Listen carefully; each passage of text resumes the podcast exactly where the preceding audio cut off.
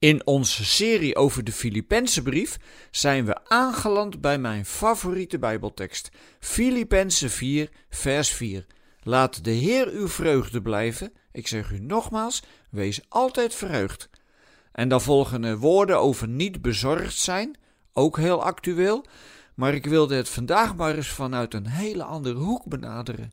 En dat is met de volgende vraag: Heb jij plezier in je geloof? Je zou kunnen denken, nou dat vind ik wel een beetje banaal hoor, om over plezier in je geloof te praten.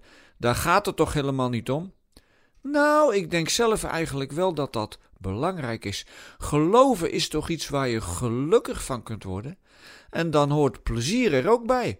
Ik weet niet of je naar opwekking bent geweest en of het plezier dat je daar wellicht beleefd hebt nog door je aderen stroomt. Het is natuurlijk alweer een aantal dagen geleden, hè?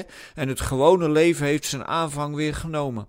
Dus misschien ben je wel met een plof op de grond terechtgekomen na het Pinksterspringen.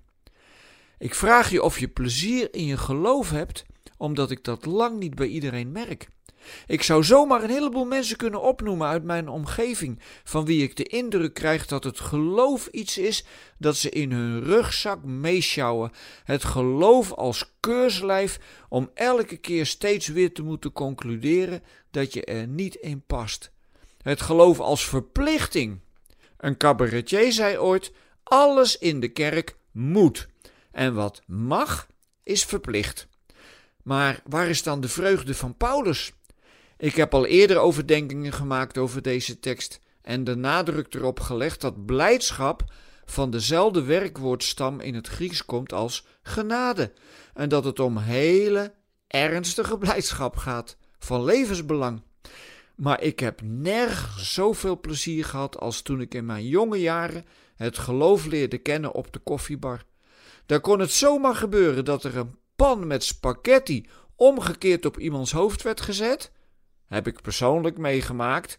En dat je daarna Bijbelstudie ging doen. Heerlijk. Verloste en bevrijde mensen mogen genieten en plezier maken met elkaar.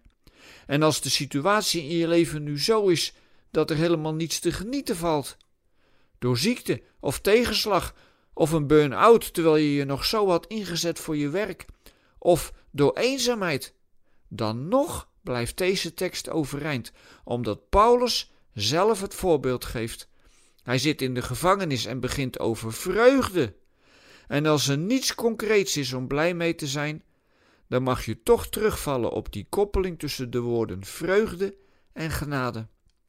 Een Amerikaanse vriendin heeft mij ooit de Glad Game geleerd. Je gaat gewoon hardop opnoemen waar je nog wel blij mee kunt zijn. En verdraait. Het werkt. Ik ben zo blij dat God de lachspieren en de vrolijke gezichtsspieren in ons lichaam gebouwd heeft.